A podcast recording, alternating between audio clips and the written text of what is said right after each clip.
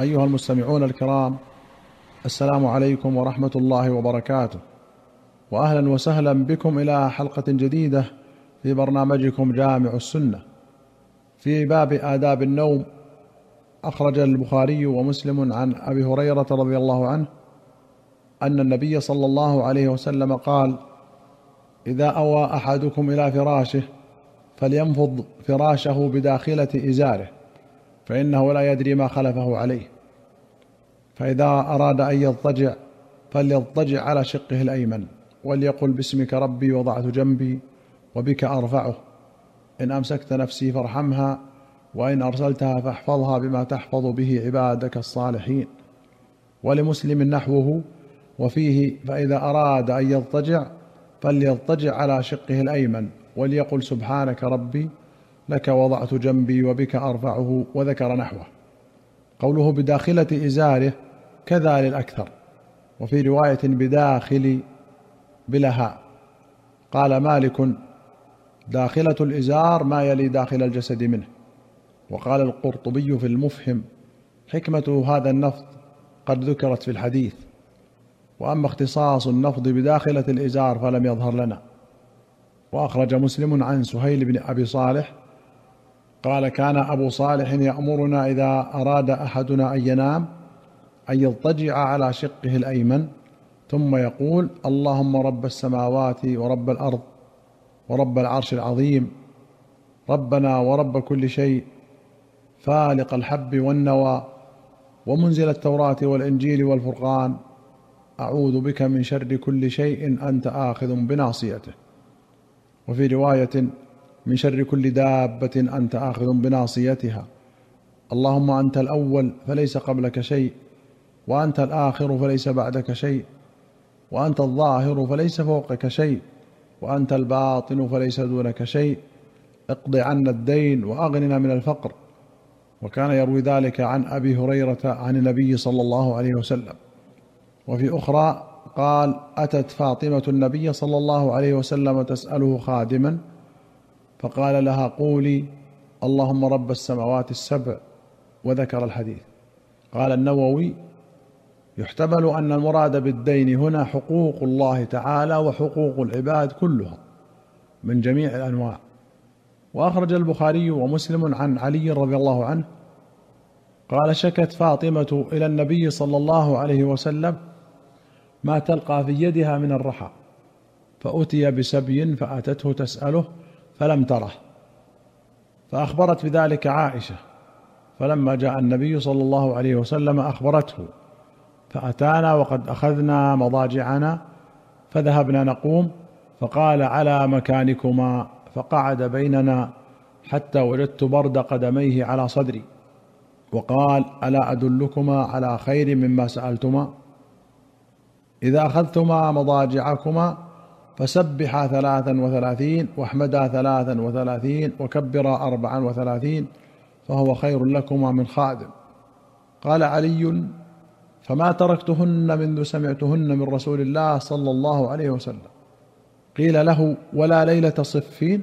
قال ولا ليلة صفين. قال سفيان إحداهن أربع وثلاثين. وفي رواية ابن سيرين التسبيح أربع وثلاثون. ورواه مسلم مختصرا عن أبي هريرة. وفيه قال ألا أدلك على ما هو خير لك من خادم؟ تسبحين ثلاثا وثلاثين وتحمدين ثلاثا وثلاثين وتكبرين أربعا وثلاثين حين تأخذين مضجعك. قال ابن حجر اتفق الرواة على أن الأربع للتكبير أرجح. وقال ابن بطال هذا نوع من الذكر عند النوم ويمكن أن يكون صلى الله عليه وسلم كان يقول جميع ذلك عند النوم. وأشار لأمته بالاكتفاء ببعضها إعلاما منه أن معناه الحظ والندب لا الوجوب واختلف في معنى الخيرية فقال عياض أراد أن يعلمهما أن عمل الآخرة أفضل من أمور الدنيا على كل حال.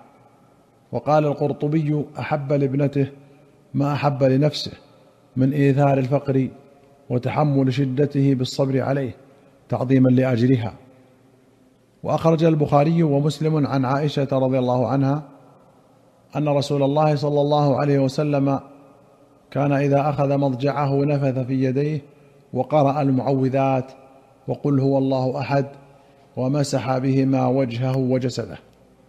فلما اشتكى كان يأمرني أن أفعل ذلك به.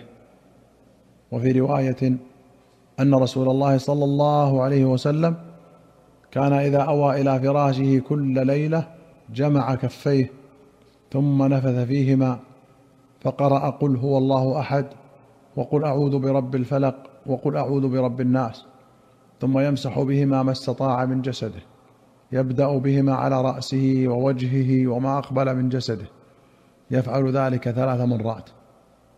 وأخرج البخاري عن أبي ذر وحذيفة ومسلم عن البراء بن عازب أن رسول الله صلى الله عليه وسلم كان إذا أخذ مضجعه من الليل وفي رواية إذا أوى إلى فراشه وضع يده تحت خده ثم قال اللهم باسمك أموت وأحيا.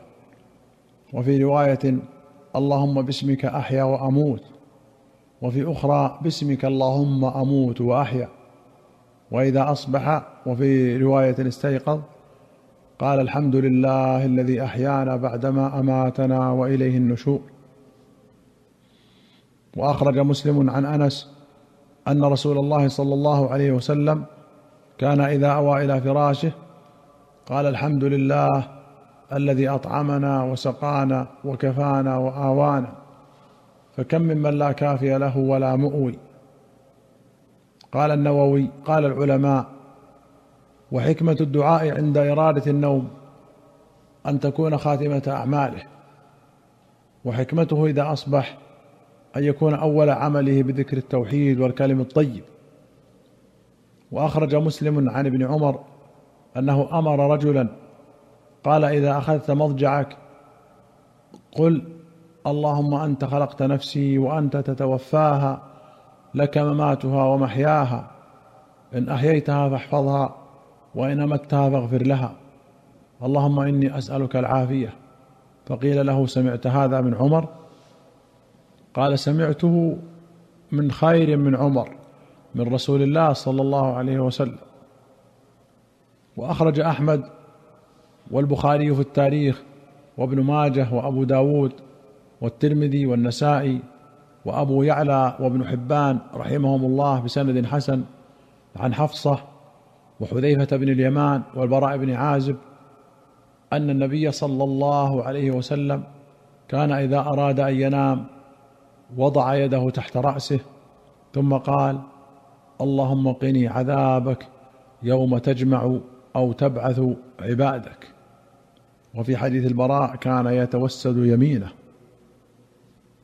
وأخرج أبو داود والطبراني في الكبير والحاكم بسند حسن عن أبي الأزهر أو أبي زهير الأنماري قال كان النبي صلى الله عليه وسلم إذا أخذ مضجعه من الليل قال بسم الله وضعت جنبي.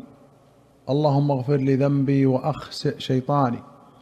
وفي رواية واخس شيطاني. وفي أخرى واخز شيطاني. وفك رهاني وثقل ميزاني واجعلني في الندي الأعلى.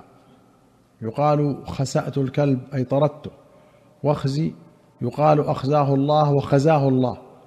بالقطع والوصل أي أذله وأهانه. وقوله فك رهاني أي خلصني مما علي من الحقوق.